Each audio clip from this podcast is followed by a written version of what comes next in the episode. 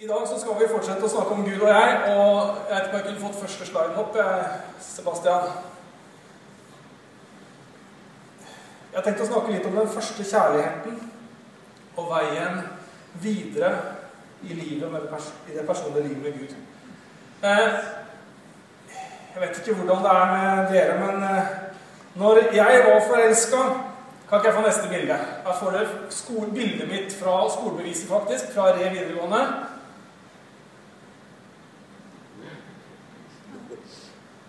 Står, ser du det? Jeg var og fant, leita litt i går, og så fant jeg det. er fra skolebeviset mitt. Og så er det Gro, min kone, i dag. Vi var veldig fine her, var vi ikke? Vet du, Den sommeren da jeg var 17 15 år og ble forelska og kjæreste med Gro, da var jeg helt i en annen verden. Eh, jeg var 16,5 kilo lettere enn jeg er i dag, som dere kan se. Den sommeren da skjedde det mye rart. Jeg husker at jeg, var, jeg må ha vært liksom mista egentlig litt huet, for jeg husker at jeg parkerte mopeden min på den gangen det som, som den gang het Farmannsdølen, og som fortsatt gjør det. Eh, for jeg skulle treffe Gro på Slottsfjellet i all hemmelighet. Og den gangen så var det ikke spesielt lurt å parkere mopeden sin på Farmannstorvet. Det var jo egentlig det samme som å be om at han skulle bli stjålet. Men jeg, jeg og når jeg kom ned fra Slottsfjellet, så var den borte. Gang.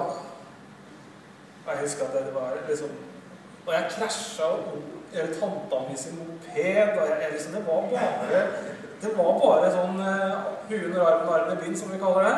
Og, og, man var liksom lykkerus og forelska, og det var stort, det å treffe Gro og være sammen med Gro. Er det noen av dere som har hatt det sånn når dere liksom var forelska og liksom, traff deres utkårede? Det er et par stykker her, ja. Man liksom litt sånn, blir litt sånn tullerusk. Eh, og så eh, husker jeg ikke hva som er neste bilde. Eh, er det et bilde, det også? Eh, for vi gifta oss da da jeg var 20 år, og var jo fortsatt, veldig, fortsatt veldig hyggelig dette her. ikke sant? Å få vist fram eh, gamle, gamle, dager her nå. Så, så gifta vi oss da vi var litt over 20 år, en sommer, eller det året vi fylte 21. Og etter hvert så må jeg jo innrømme det at uh, jeg er ikke helt sånn hodestups forelska i dag på samme måte. Og det er vel heller ingen av dere som er, antar jeg, som er, liksom er helt sånn at dere veit ikke hvor dere parkerer bilen, og dere, liksom, dere løper og svever på en sky, og det er liksom ikke så mye annet som teller enn en, uh, henne eller han. Det er kanskje ikke sånn nå.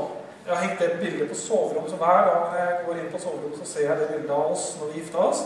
Og det er litt dette jeg har lyst til å knytte eh, det vi skal snakke om i dag, med Gud. Den første kjærligheten. fordi at eh, når vi møtte Jesus, så, så, var det noe ganske unikt og utrolig og fantastisk. Vi opplevde det som virkelig noe som brant i oss. Jeg tror mange av oss har opplevd at liksom ungdomstida, kanskje flere av dere Det der med, med Jesus, det var, det var stort, altså. Man, man, man, det var bare Jesus og Jesus og Jesus. Og så opplever vi da at eh, livet går videre. Eh, det har i hvert fall gjort det for min del. Eh, man har, vi gifta oss, og vi utdanna oss, og vi fikk hus og familie og barn. Og så, så, så har den personlige relasjonen oss imellom måttet utvikle seg på en kanskje litt annen måte enn å være hodestups hele tida. Og det er utgangspunktet for dagen i dag. Eh, det betyr ikke at kjærligheten mellom Gro og meg liksom har, at den er slutta fordi at vi ikke er forelska lenger, men den er på en annen måte. Eh, noen av dere vil si at eh, han eller hun dere er gift med, er kanskje den største og beste vennen dere har. Noen som opplever det sånn? Ja? Noen? Ingen? Men i hvert fall Gro er min beste venn. Fantastisk å prate med, fantastisk å dele liv med. Og, og vi har liksom eh, i en hektisk hverdag finne ut at vi setter av noe tid som vi bruker sammen. Eh, og spesielt etter middagen bruker vi mye tid. Da sitter vi igjen ved middagsbordet, og så får vi snakka om dagen og hva som har skjedd. Og da er unga som regel driver med sine ting. Og så snakker vi om hvordan dagen har vært, og hvordan ting skal være fremover. Jeg har lyst til å snakke litt i dag om, om vårt nære forhold til Jesus. Eh, og det har utgangspunkt i Judas 1,20. Men dere, mine kjære, må bygge dere selv opp ved deres høy, høyhellige tro under stadig bønn i Den hellige ånd. Bli værende i Guds kjærlighet mens dere venter på at vår Herre Jesu Kristi barmhjertighet skal føre dere til evig liv. Vi har et kjærlighetsforhold. Og vi leser i Bibelen mye om at eh, Jesus er brudgommen, og vi er bruden. Det ser vi stadig. Og, bildet rundt det å være familie og det å være eh, kobla på med Jesus er veldig mye likt med det vi snakker om i forhold til ekteskap. Så jeg har lyst til å bruke det bildet. Og i ekteskapet vårt hvert fall, så kan jeg ikke si det at jeg er perfekt, eller vi er perfekte. Jeg er ikke alltid helt kul og bo sammen med meg. Jeg har feil og mangler, faktisk. Og det, det, er sånn det bare er. Og sånn er også relasjonen med Jesus. at eh, Jesus han er perfekt, men, men, vi kan få lov til fortsatt å ha relasjon med han selv om ikke vi er perfekte. Og eh, de tinga vi skal snakke om i dag, så, så, så er det ofte liksom at vi, vi, skal i egen kraft greie å få til noe som er liksom så perfekt, og vi skal yte maksimalt som kristne, og vi skal være sånn og sånn. og eh, I menighetssammenheng så er man ofte målt sånn og sånn på at man er på så og så mange møter og bønnemøter og leser og ber osv. Og, så videre, og, så og det er ingen av de tinga jeg har lyst til egentlig å skulle på en måte trykke på i dag. Jeg har lyst til å dele med dere tanker rundt det der å ha et nært forhold til Jesus som en person. Eh, jeg må liksom ikke jobbe veldig hver eneste dag i forhold til Gro om at jeg er gift med deg, liksom, og jeg bor i samme hus som deg, og det er en Åh, jeg må ta meg sammen hver eneste dag for det. Det er jo ikke sånn det er. Jeg bor der, og det er mitt fristed. Det er fantastisk å komme hjem og bare kjenne at jeg er elska, jeg er den, kan være den jeg er. Jeg tar meg ikke sammen og, og, ordner og styrer veldig, men jeg er den jeg er når jeg er hjemme sammen med Gro og, og familien min. Sånn tenker jeg at det, det, skal være i forhold til Jesus også. Det er ikke sånn der, vi tar oss sammen-greie, men vi ønsker å ha en nærhet og en god relasjon til Han som vår frelser og som vår Gud.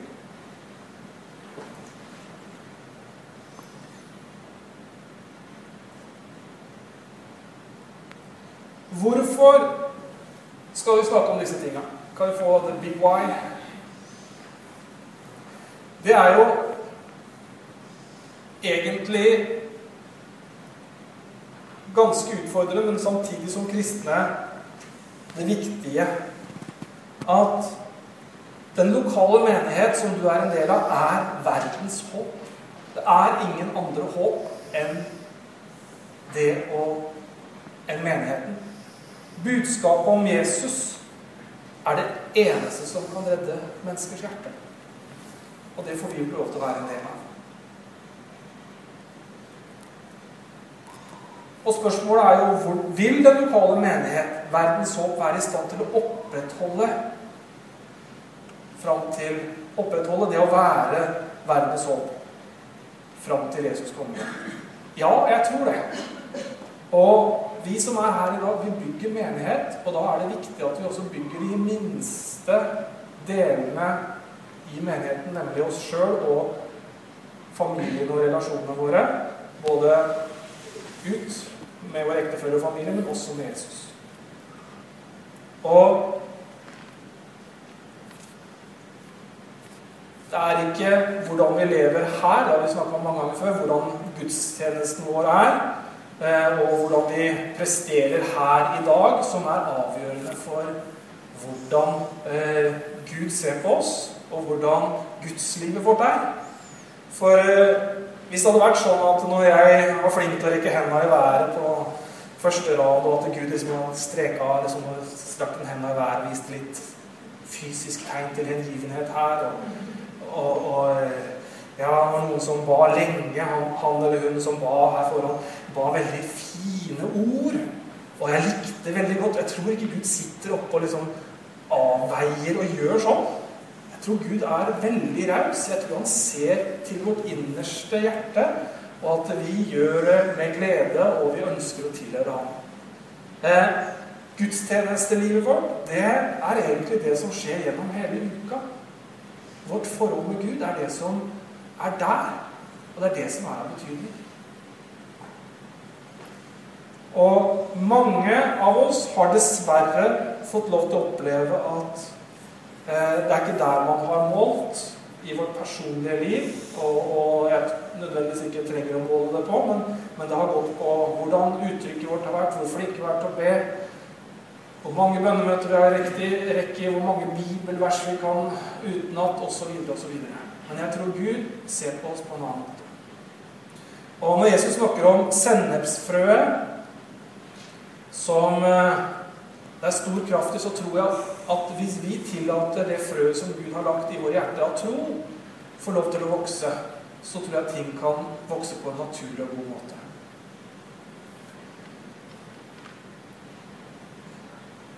Det med personlige forhold det er ofte litt sånn, eh, sånn som eh, når vi snakker om våre personlige liv. I familielivet vårt, så er det ofte vanskelig å dele hvordan det fungerer med andre. Det er ofte en eh, utfordring for oss, det å skulle si hvordan vi har det hjemme. Og ofte så har vi sagt at ja, men eh, hvordan går det med dere? Ja, det går, det går bra. Vi har det fint. Og vi har eh, nå kjøpt nytt hus eller ny bil. Og eh, ja, det går så fint, og unge er så flinke, og så videre og så videre. Mens kanskje ikke det er så greit på hjemmebane. Og eh, jeg tror at det å være ærlig i forhold til hvordan ståa er, tror jeg er viktig både i vårt personlige, private hjemmeliv, familieliv, men jeg tror også det er viktig å være ærlig i forhold til livet vårt med Gud. Hvordan har vi det? Hvordan fungerer det? Og eh, fungerer det i det hele tatt? Kan vi som menighet, som kirke, bidra inn for å hjelpe hverandre til å få det til å fungere.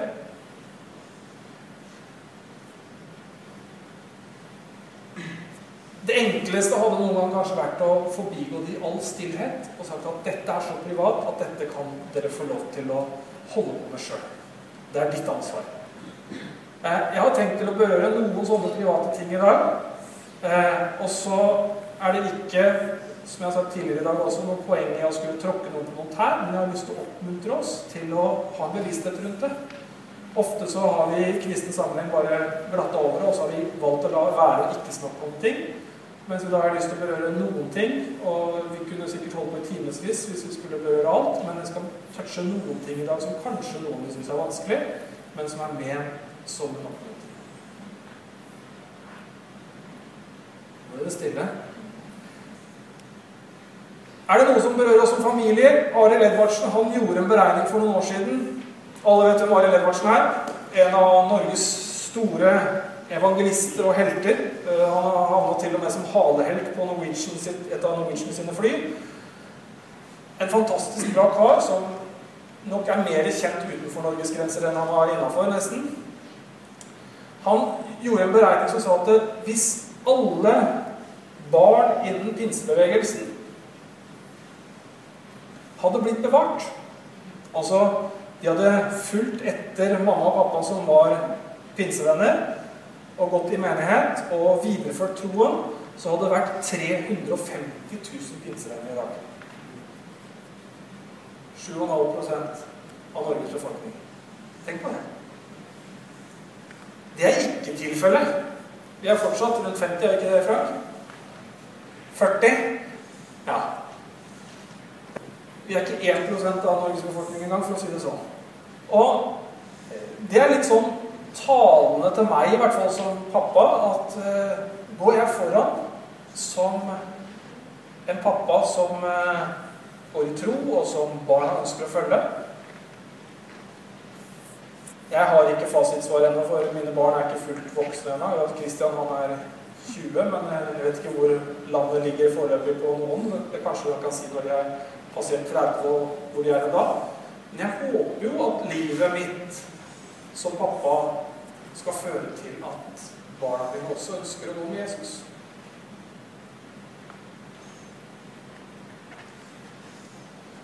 Sånn at mitt personlige liv med Gud, det Det håper jeg de ser som noe som er noe de har lyst til å følge, og noe de har lyst til å ha del i.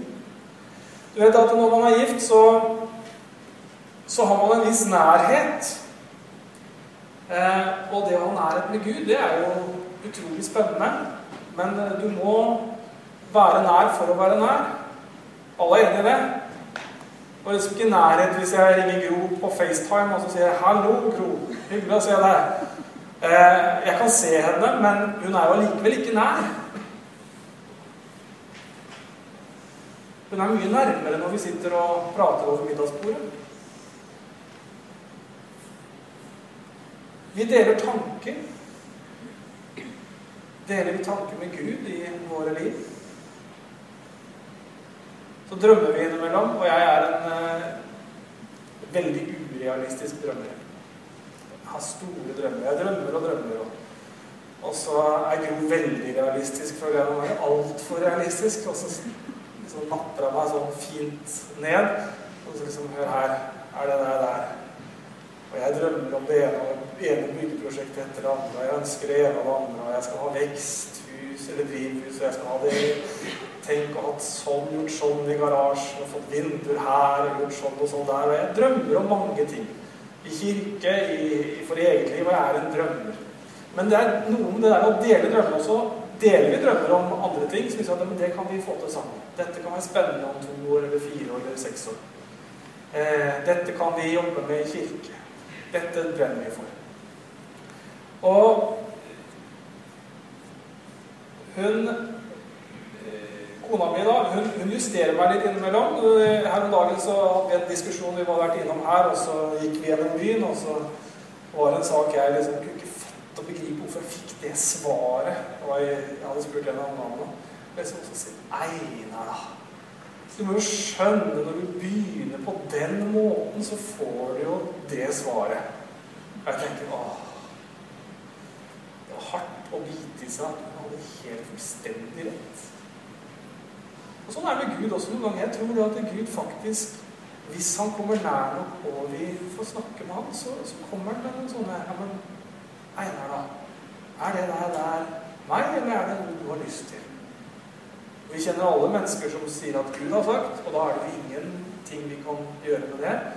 Eh, for da har Gud sagt det, og det skal vi tro på.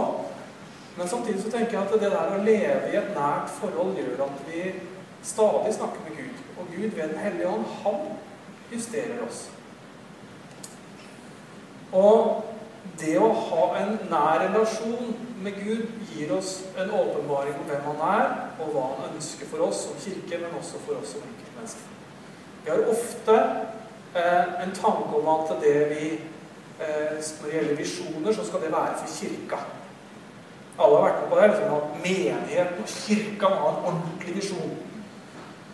Og det er veldig fint, og folk skal henge seg på den visjonen, og, og, og jeg tror på å ha visjon. Men samtidig så tenker jeg at uh, vi alle også trenger å ha en visjon, ha en nærhet, en åpenbaring av Gud i våre liv, som gjør at vi har en retning på det livet. I, og, og, og, jeg tror det er viktig også å ta med seg at uh, Gud det er han som gir den veksten. Han er den overnaturlige delen av livet og forholdet og relasjonen. Jeg kan ikke si at Gro er overnaturlig, selv om hun er overnaturlig, men eh, hvis du skjønner meg. Men, men, eh, men, det handler om at eh, det står det vet du, i 1. Korinterne 3, 6 og 7. Det har vært en av mine favorittvers denne vinteren. Det står det at 'Jeg plantet, Apollos vannet, men Gud ga vekst'. Derfor er det ikke noe, verken den som planter eller den som vanner. Bare Gud er noe, han som gir vekst. Og jeg syns det er spennende å tenke på at i det øyeblikket vi åpner opp for at Gud kan gjøre noe i livene våre, så er det han som skaper den veksten. Det er ikke dine prestasjoner og flotte tilrettelegginger som eh, gjør at eh, Og din streven som, som, gir veksten, men det er Gud. Når du rammer opp mange årsaker og grunnregner til at eh, at man bør gjøre det sånn. Hvorfor Eller hvordan. Ikke hvorfor, men hvordan. How. Og dette er kanskje det som i hvert fall utfordrer meg mest, og som jeg har, føler jeg mange ganger mislykkes mest med. Eh, personlig så føler jeg ofte at jeg er litt sånn eh, Martha eh, i Bibelen. Alle kjenner kanskje historien om Maria og Martha, og, Martha som strevde og jobba veldig mye, og Maria som satte seg ved Jesu føtter. Jeg syns ofte at eh, det der å få gjort unna praktiske ting, både i heimen og her eller i jobbsammenheng, er, er veldig viktig. Liksom ting synlige arbeidsoppgaver. Få gjort dem, få dem unna. Og døgnet har som regel ikke mer enn 24 timer. Og jeg opplever ofte at jeg ikke kommer langt nok ned på lista mi den dagen og syns at jeg skal gjøre ting. Og opplever også at det der å prioritere i tid med Gud kan være utfordrende og krevende. Noen av dere som har opplevd det? Et par stykker? Det er, det er, ofte liksom, det er så mange ting, og, og, og, jo mer tid vi får, jo mer krevende blir det, føles det ofte. Eh, hvis vi ser på hva vi jobber i dag, kontra hva vi jobba for eh, kanskje 20 eller 30 år siden, så har vi effektivisert, og vi har forenkla, og vi har eh, laga så mye bra systemer på ting at vi har fantastisk mye tid egentlig til overs i forhold til den gangen. Men allikevel så føler vi at tida den bare løper. Og jo eldre vi blir Jeg som bare var 17 år fram til AFP, jeg, jeg, jeg, jeg opplever at tida går kjempefort. Jeg syns jo ikke det er lenge siden vi var i november. Og så er vi i slutten av februar nå. Hvis det bare svosj, så er liksom fire måneder gått. Og det syns jeg er krevende. Men eh, jeg har lyst til å dele noen tanker rundt kanskje hvordan man kan få til å sette av tid. Eh, vi var og hørte på Bill Hybels i fjor på LED 13, og han snakka om en eh, Eller han fortalte om en forretningsmann i menigheten hans som hadde blitt fryktelig provosert når Bill Hybels utfordra menigheten til å bruke 15 minutter hver dag. Altså, han kalte det 'a cup of coffee with Jesus'. Eh, han mente at en kopp kaffe tok ca. et kvarter å nyte.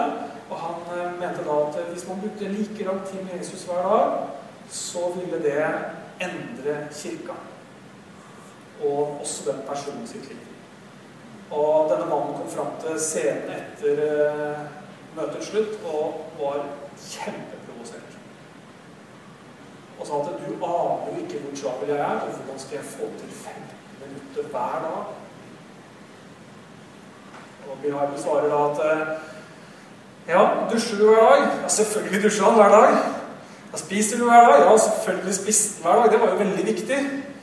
Ok, sånn, Da har jeg stilt deg et par spørsmål, og så vil jeg be deg om at du går hjem og prøver å ta imot den utfordringen. Etter noen uker, jeg husker ikke akkurat hvor mange, så kommer kona til denne mannen og spør om ikke de kan spise middag sammen. Inviterer da Bill Hybels og kona hjem på middag. Og så kommer de dit på middag, og så sier kona du aner ikke hvilken påvirkning du har hatt på mannen din ved at du utfordra dette, denne kaffekoppen. Og da hadde denne mannen tatt utfordringen, selv om han egentlig ikke hadde tid. Og så hadde han funnet seg et fast sted hjemme. Han hadde en, en ny stol eller en stol hvor han satte seg et kvarter hver dag og brukte tid i Guds ord, ba og hadde stilletid med Gud. Og det hadde revolusjonert mannen både i tanke og sinn og fred. Og eh, etter hvert så har også denne mannen vært en ekstrem bidragsyter inne i kirka der hvor han uh, gikk da og spilte Hybels i Willow Creek. Og jeg tror noen ganger at vi faktisk trenger å bestemme oss for å bruke noe tid med Gud. Uh, når det gjelder trening, så må vi ofte bestemme oss for at i morgen skal jeg løpe, eller skal jeg reise på på et eller annet på treningssenteret. Vi må bestemme oss. Og jeg tror kanskje det er en ting som vi som kirke også har kanskje vært utfordra hverandre litt på, men at vi faktisk må bestemme oss som kirke og som enkeltmennesker. At vi bruker noe tid med Gud fast. Prøv å finne en rutine på det. Prøv å finne 15 minutter. Det kan være på morgenen, det kan være på middagen eller ettermiddagen eller være på kvelden før du legger deg. Men prøv å finn noe tid som du kan bruke med Gud aleine. Og det er mange som sikkert tenker at oi, det veit jeg ikke hvordan jeg skal få til. Du kjenner ikke meg. Nei, jeg gjør ikke det. Men allikevel så tør jeg å utfordre oss på det. Det fins massevis av bibelleseplaner. For deg som har eh, en smarttelefon eller en iPad eller et nettbrett, så fins det masse ressurser som enkelt kan føre deg gjennom noe, og som eh, kanskje kan holde deg litt på veien i forhold til hva du skal lese og, og studere. Finn det fram. Sett opp en plan for deg sjøl. Amerikansk forskning viser at 3% av alle ektepar som betegner seg som kristne Det er jo selvfølgelig i USA, men jeg tror ikke vi er så veldig annerledes i Europa. De ber sammen. 3% Og jeg skal ikke ta noen håndsopprekning her i dag på hvor mange av ekteparene i menigheten som ber sammen, men fakta er at eh, det å dele også den åndelige dimensjonen som ektepar er viktig. Det er eh, ofte vært en sånn personlig greie som på en måte jeg ber jo også, men, men prøv å også bringe den dimensjonen også inn i det forholdet du er i.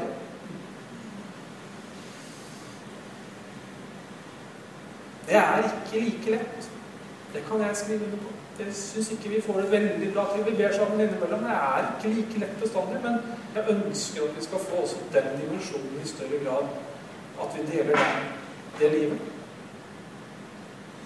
Som familie er det kanskje enda vanskeligere noen ganger. Vi ber når vi skal på langtur, og vi ber når, vi, det er spesielle situasjoner. Vi var på fjellet nå, tre familier, og fikk lov til å be og velsigne maten og, og dagen og sånn. Men det er liksom det med bønn er, er, ofte en litt sånn vanskelig greie. Jeg syns det er litt utfordrende.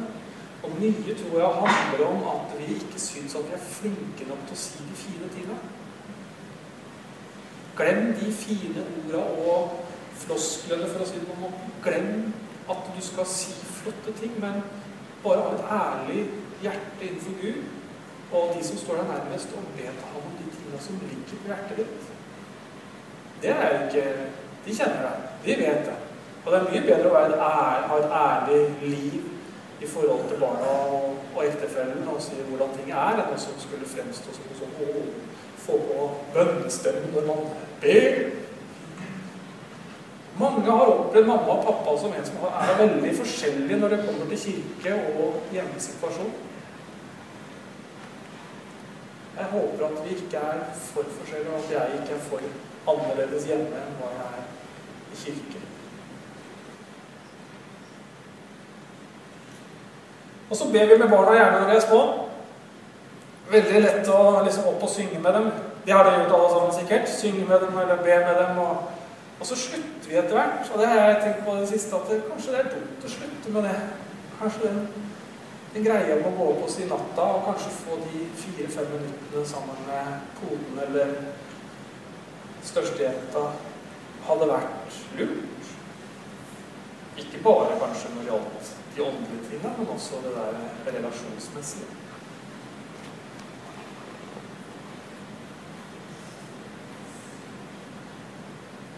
Jeg gjorde det her for en liten stund sammen med Tina gikk opp.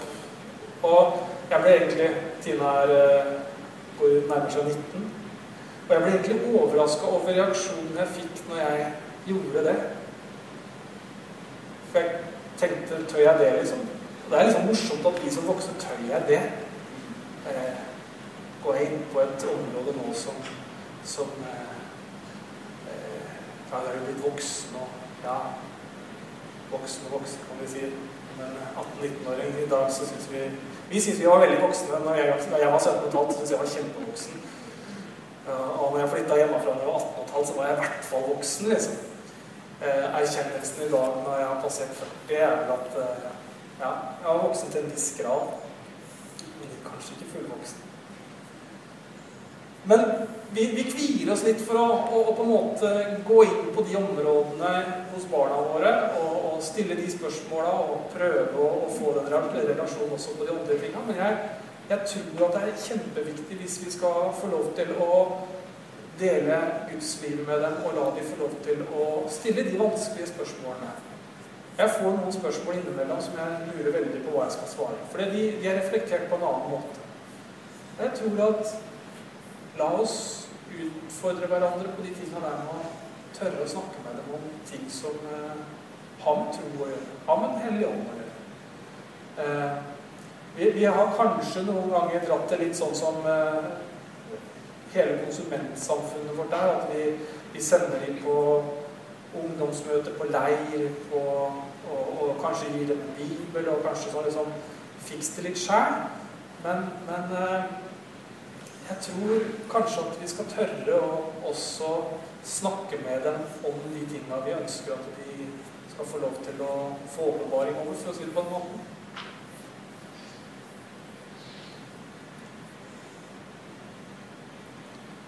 Jeg tror det vil gi oss som mennesker, på det helt menneskelige planet, så vil gi oss fantastisk mye det å ha den relasjonen med barna våre. Og jeg tror det vil også gi oss en åndsdimensjon over å kunne få lov til å ha det fellesskapet i familien. Eh, at det vil være veldig rikt.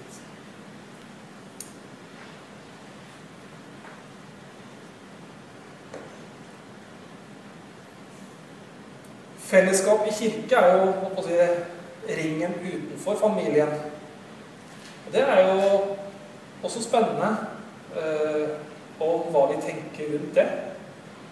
Og vi har så vidt begynt med life-grupper nå. Og det har vært eh, de sammenhengene jeg har vært med på, vært veldig berikende på den måten at vi får lov til å dele livet på en annen måte når man blir en mindre gruppe mennesker. Eh, det å stå til ansvar for noen eller dele livet med noen er betydningsfullt som kristne. Men det er også krevende noen ganger. Det må vi ha innrømme. Det er krevende å enten skulle dele noe eller la noen få lov til å se på innsida hos oss. Samtidig så tenker jeg at det er også utrolig spennende for oss som kristne. Og på en måte dele erfaringer, både når det gjelder trosliv, men også hverdagsliv som kristen, det er, det er noe vi alle egentlig har stor utbytte. av. Når vi har vært sammen med mennesker som vi har fått lov til å føle at vi har fellesnevnere med, og som vi føler at åh, der fikk jeg en god idé, eller der, der ble jeg oppløfta. Det er jo ingenting som er så hyggelig som å være sammen med mennesker som er i den kategorien. Og jeg tenker at når vi kommer sammen som kirke også, så skal det være noe som løfter oss opp. Noe som gir oss inspirasjon til å gå videre og eh, leve og og ånde for det å, å være en kristen.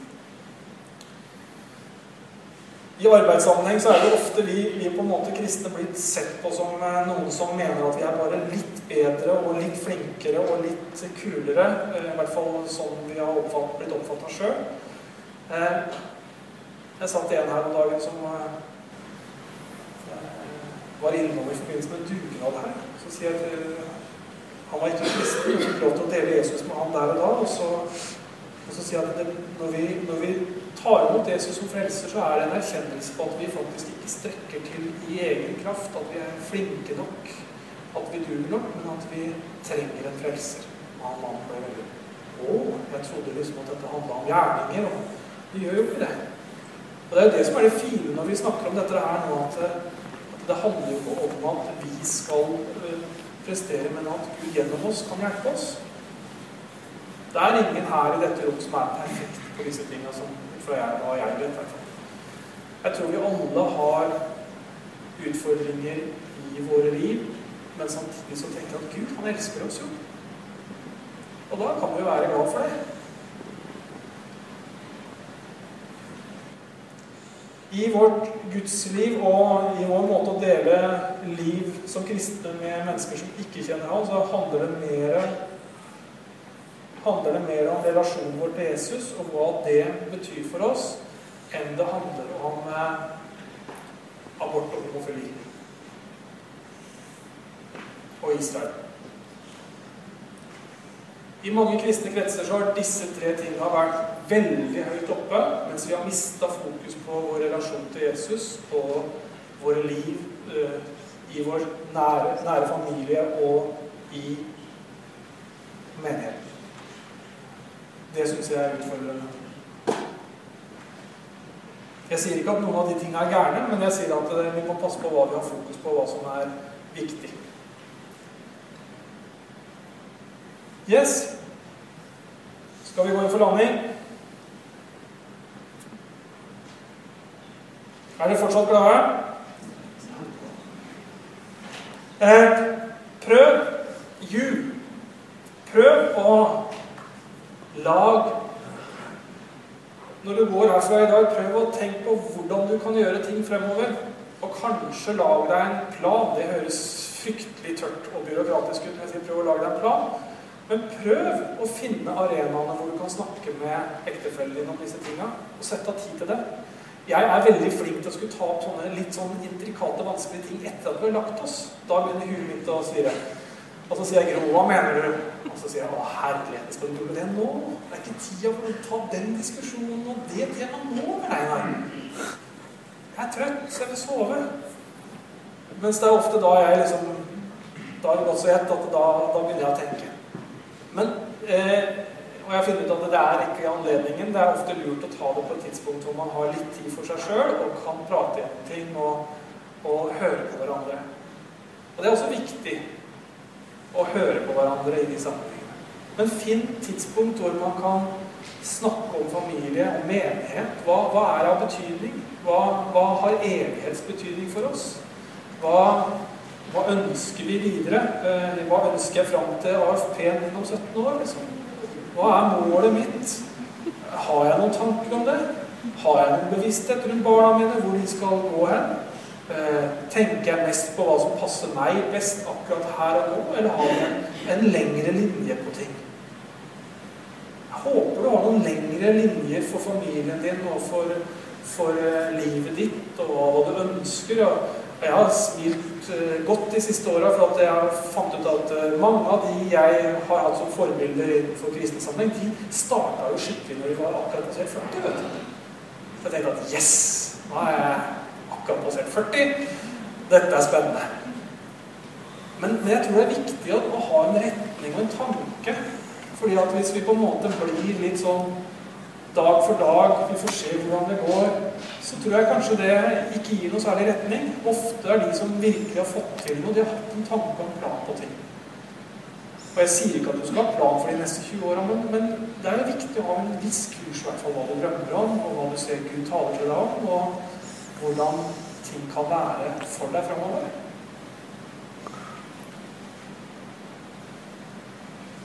Jeg ble ganske imponert. Vi hadde besøk av Scott Wilson her i høst, og han snakka om ting. Og han, han hadde, han hadde bl.a. en plan, egen plan for personlig økonomi som kunne bidra inn mer i kirke. Jeg tenkte oi, det har jeg aldri hørt om noen som har hatt. liksom. Men det er jo spennende da, om noen tenker sånn. Det å, å tenke og ha planer for hvordan kan jeg rydde vei eller rydde tid, så jeg kan gjøre sånn og sånn inni kirke eller inn i familielivet. Eller, det var spennende. Men det krever bevissthet. Og dere er jo voksne, oppegående menn og kvinner som eh, virkelig har evner og talenter.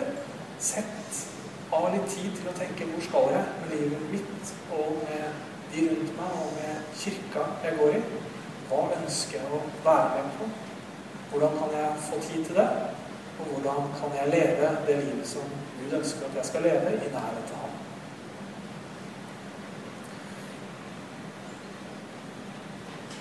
Vi er forbilder som voksne i de ulike generasjonene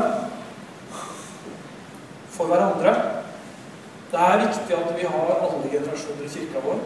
Fordi de som er eldre enn oss, er forbilder for oss. Vi er forbilder for våre ungdommer og våre barn osv. Og, og det er viktig at vi faktisk ser den greia. Samtidig som at vi er forbilder, så må vi også være ærlige på at vi faktisk mislykkes innimellom. Jeg har mislykkes utrolig mange ganger med mange ting jeg har drømt om og har prosjektert og hatt retning på. Og som jeg trodde at dette går veien her nå. Dette blir bra. Jeg har gjort feil med ungene mine. Jeg har måttet be mange ganger om unnskyldning. Men jeg vet at Gud, han elsker meg, han elsker familien min, og jeg tror at vi fremover skal få lov til å leve hvert liv med ham. Sånn at Gud, han forlater oss ikke. Han er den eh, parten i forholdet som aldri vil forlate oss. Han vil alltid være med, og så vil han være med i uansett, uansett omstendighet og situasjon. Yes. Da har vi snakka langt og lenge. Vi skal gå helt til avslutning av gudstjenesten vår. Håper at du har eh, blitt litt utfordra. Vet at det å bli utfordra, det kan være veldig bra mange ganger. Men det er ikke alltid det føles like godt der og da, men det er viktig å bli utfordra. Og jeg håper du har blitt litt utfordra i dag.